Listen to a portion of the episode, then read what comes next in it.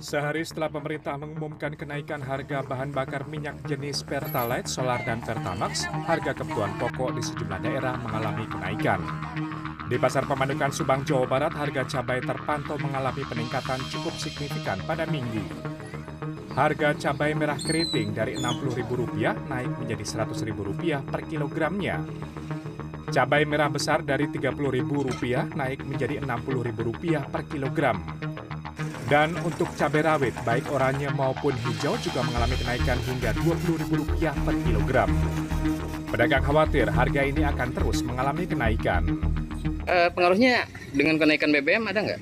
Ada. Iya. Dari harga sekarang pada naik kayak cabai merah, cabai keriting, rawit, telur juga masih harga tinggi.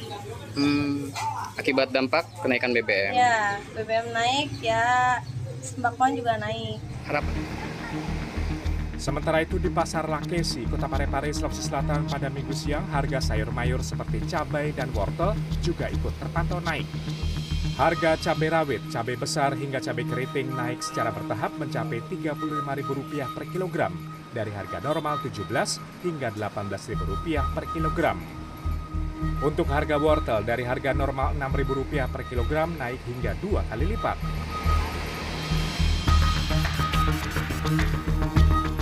Di Pasar Pucang Surabaya, Jawa Timur, beberapa harga komoditas pangan juga terpantau mengalami kenaikan. Seperti harga cabai rawit yang semula Rp48.000 per kilonya, kini naik menjadi Rp50.000. Sementara cabai rawit besar dari Rp55.000 naik Rp5.000 menjadi Rp60.000 per kilogram. Selain faktor cuaca, kenaikan harga dipengaruhi juga ongkos angkut yang mulai menyesuaikan dengan kenaikan harga BBM. Naik turun naik turun Ini kenapa Bu? Yang faktor yang menyebabkan naik apa? Ongkos ya, ya, mungkin karena bensin itu ongkos apa kok BBM-nya itu ya Menurut dosen ekonomi Universitas Airlangga, kenaikan harga BBM pastinya berdampak pada berbagai sektor, salah satunya harga kebutuhan pokok. Pasalnya BBM menjadi kebutuhan primer untuk produksi barang dan jasa.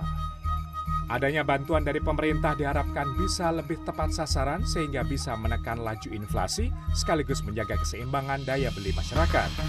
pastinya menjaga distribusi eh, barang dan jasa itu tetap eh, merata ke seluruh Indonesia. Nah, ini akan lebih meminimalisir inflasi kita dengan cara bantuan sosial yang sudah akan disalurkan itu juga akan menjaga eh, keseimbangan daya beli masyarakat yang ada di Indonesia. Sehingga tidak terlampau terjadi shock dengan kenaikan BBM seperti itu. Sejumlah pedagang memprediksi penyesuaian harga kebutuhan pokok akan terjadi dalam beberapa hari ke depan. Liputan CNN Indonesia.